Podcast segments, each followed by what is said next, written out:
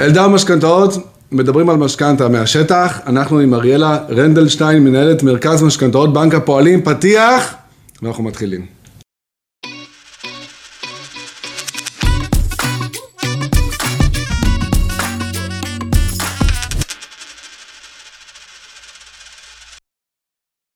טוב, אז אריאלה, שלום רב. שלום זכות וברכה. גדולה, בימים מטלטלים, לא פשוטים, לא, לא למשק, לא לצרכן, לא לאף אחד.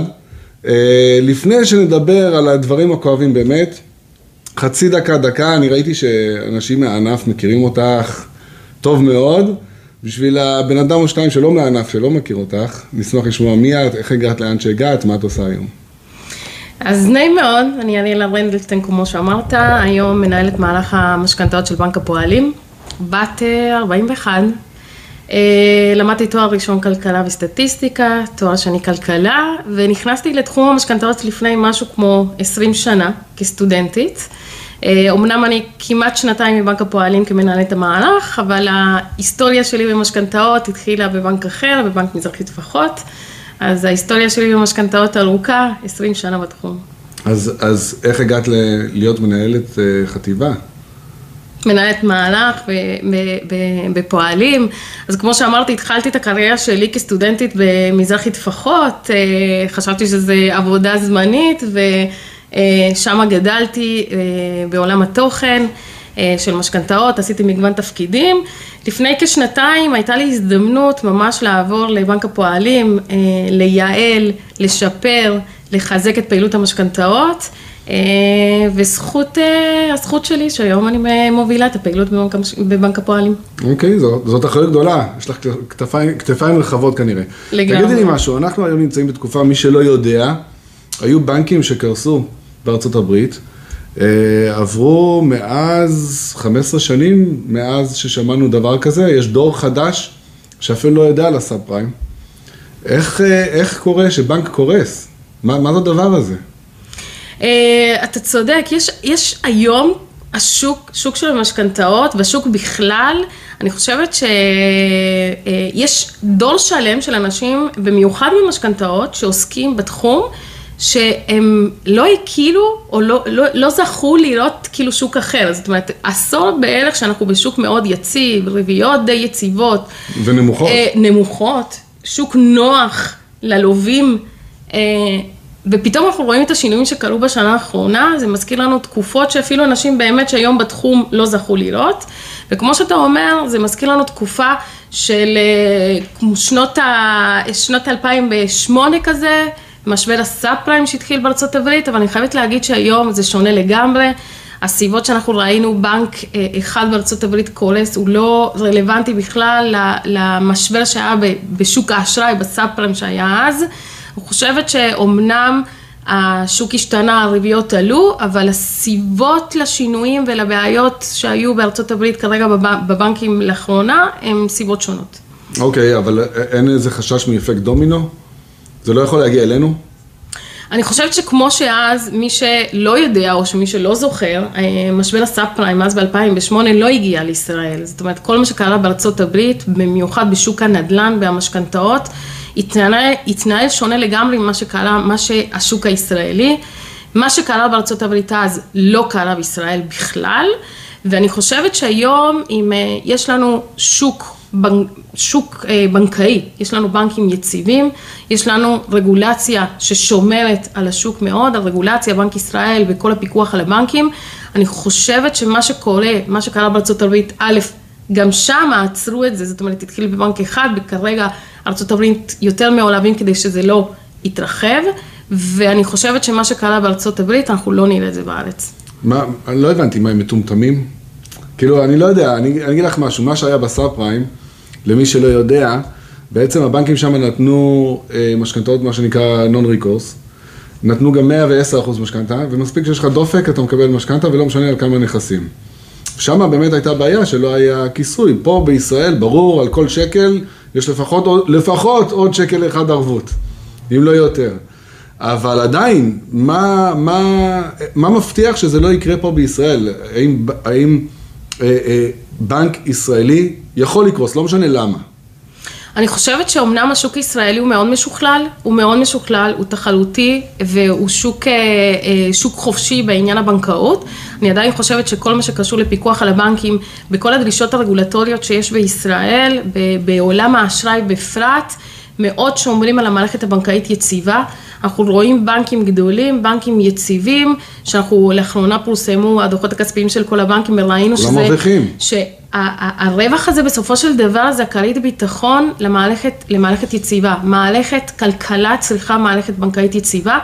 ואני חושבת שמה שאנחנו ראינו בארצות הברית בניצוץ הזה של בנק אחד, בארץ כרגע אנחנו רחוקים מזה. בואי ניקח מצב היפותטי, אפוקליפטי, שבאמת בנק קורס. סתם, סתם כדי להבין איך המערכת עובדת.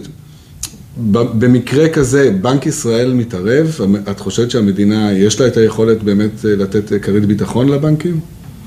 שוב, זה מאוד, אתה לוקח אותי לאיזשהו אירוע מאוד מאוד דמיוני, שאנחנו כרגע, אפילו, אני, אסביל, אני אתן לך קצת את הרקע מהמערכת הבנקאית. מדי שנה, בנק ישראל, אה, יחד עם כל המערכת הבנקאית, עושים תרחישי קיצון, תרחישים של אה, מצבים מאוד קיצוניים בשוק, ובוחנים את האיתנות של הבנקים.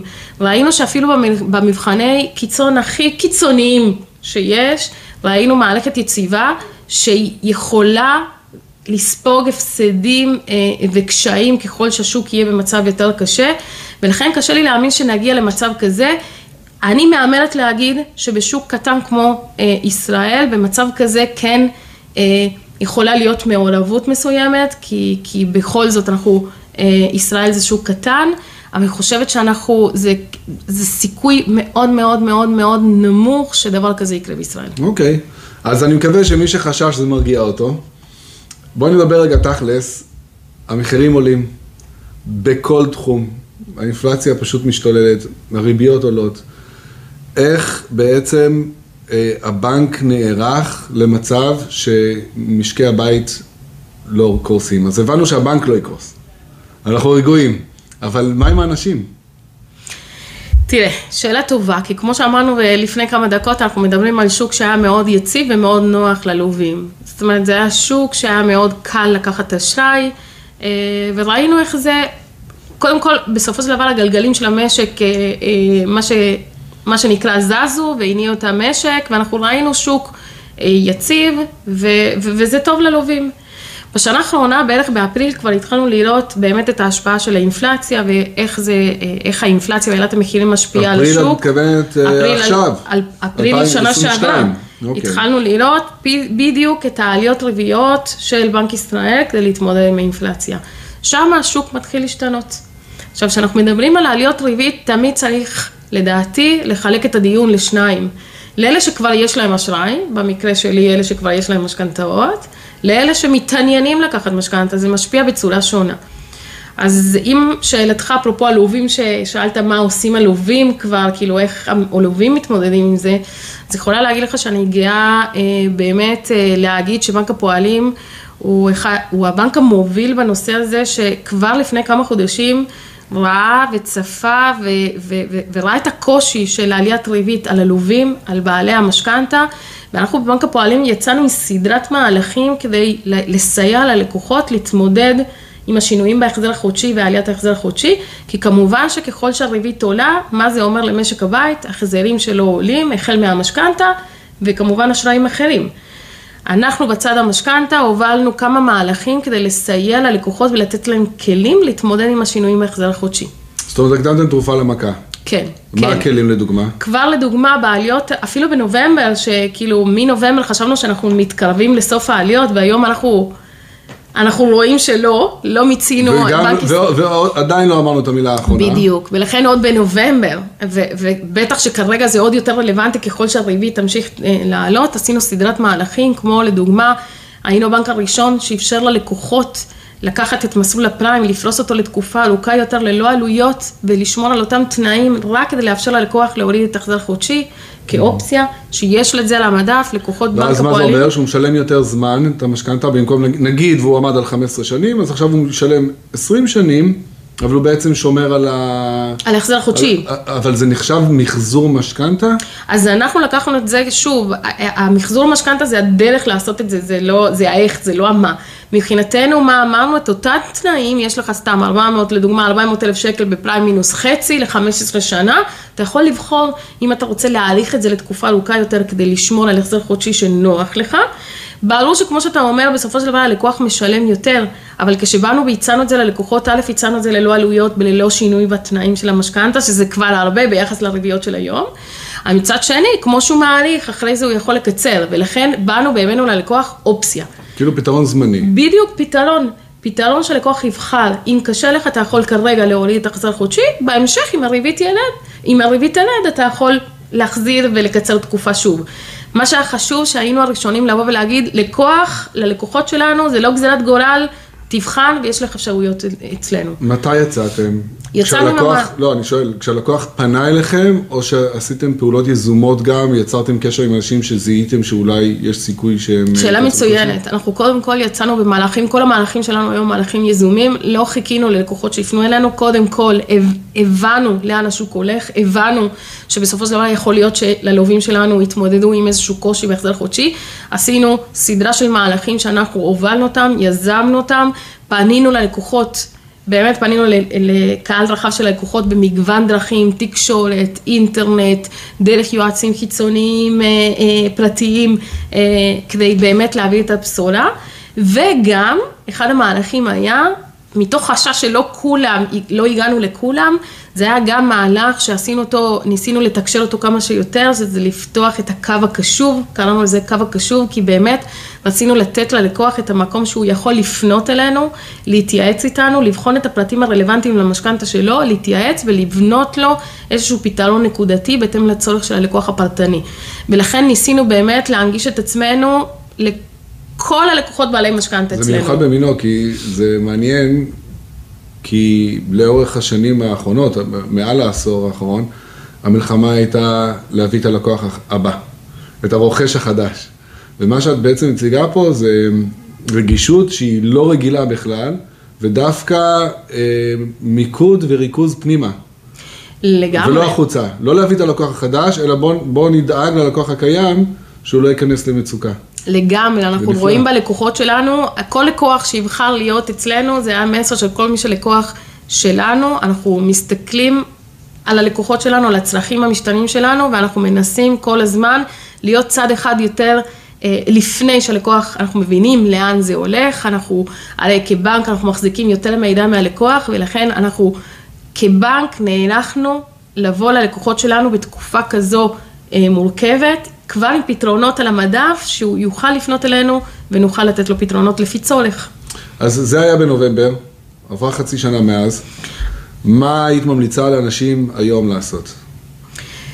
אה, תראה, שאלה טובה. אה, לקוח בעל משכנתה קיימת, הדבר הראשון שאני ממליצה להם זה לא לעשות שום מהלך אה, לפי מה ששומעים של מישהו אחר. יש את כותרות הנטייה, בדיוק. ושמועות ומה כולם עושים, אין כזה דבר כולם. בדיוק, יש את הנטייה בתקופה האחרונה, ראינו הרבה הרבה הרבה פרסומים שהמשכנתה ממוצעת עלתה ב-1,000 שקל ו-2,000 שקל, ועלייה כזאת תשפיע על החזר חודשי ככה וככה.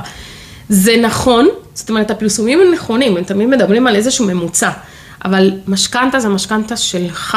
את יודעת מה אומרים על ממוצע? שבממוצע, אם ביל גייטס איתנו פה בחדר, אנחנו שלושתנו מיליארדרים. נכון, כי הממוצע מאוד הממוצע מוטה, לא משקף כלום. בדיוק, הממוצע תמיד מאוד מוטה מה, מה שנקרא מ- מש- מהקצוות. ולכן מה שאנחנו, מה שאני ממליצה ללקוח הקיים, שכל דבר שהוא רוצה לבחון על המשכנתה לפני שהוא עושה כל דבר, קודם כל לבחון את השינויים של המשכנתה האישית שלו, ולבחון את האופציות שלו, לא לעשות את מה שהשכן אמר ולא לעשות את מה שכתוב בעיתון. לבחון, ואז בהתאם לצרכים שלו, לקבל החלטה. מי שיכול לשלם, נכון שאף אחד לא אוהב שהחזר החודשי שלו עולה, בסדר? זה לא נעים, זה לא כיף, לא נעים לנו, לא רוצים לשלם יותר. אבל כלכלית, מי שיש לו יכולת לעמוד בשינויים של החזר חודשי, מה שנכון זה לשלם. לחכות לתקופה הזאת לשלם עד שבסופו של דבר הציפיות זה התחזיות שהריבית עוד תרד. אה, ולכן לשלם את התקופה הזאת עד שהריבית תתאזן ותתחיל אה, לרדת. מי שקשה לו לשלם זה לפנות לבנק ולבחון את ספציפית מה הפתרון הנכון לו. אם זה הפריים זה יכול להיות הפריסה כמו שדיברנו, אבל אם זה מוצר אחר, לבחון איזשהו פתרון יותר כולל, אבל שמתאים לו ולצורך שלו. ויש מוצרים. יש יש לך עוד מוצרים, דוגמה רק יש לסיום, פתרונות. דוגמה נוספת, חוץ מהפריסה של הפריים? אז אני אגיד לך, לדוגמה, עשינו, אה, כמו שאמרנו, עשינו את הקו הקשוב, עשינו איזשהו מהלך גם לאוכלוסייה שמתמודדת עם אה, קשיים יותר אה, גדולים, מה שנקרא, וזיהינו אוכלוסייה שמושפעת יותר מהשינויים האלה, שגם אה, אה, ספגנו חלק מהריבית לאוכלוסייה ספציפית, לא לכולם, אבל אוכלוסייה, אוכלוסייה שמתמודדת יותר עם, אה, שיותר קשה לה בעלייה של ה, עם העליות של הריבית. ואני יכולה איך- להגיד איך לך... סופגים, איך זה- איך זה קורה? זה ממש, כמו שאתה אמרת קודם, זה ממש כמו- להיות את כמו הלקוח, מחיקה? ולבוא, לא, זה לבוא ולהשתתף, להוריד כאילו את ה...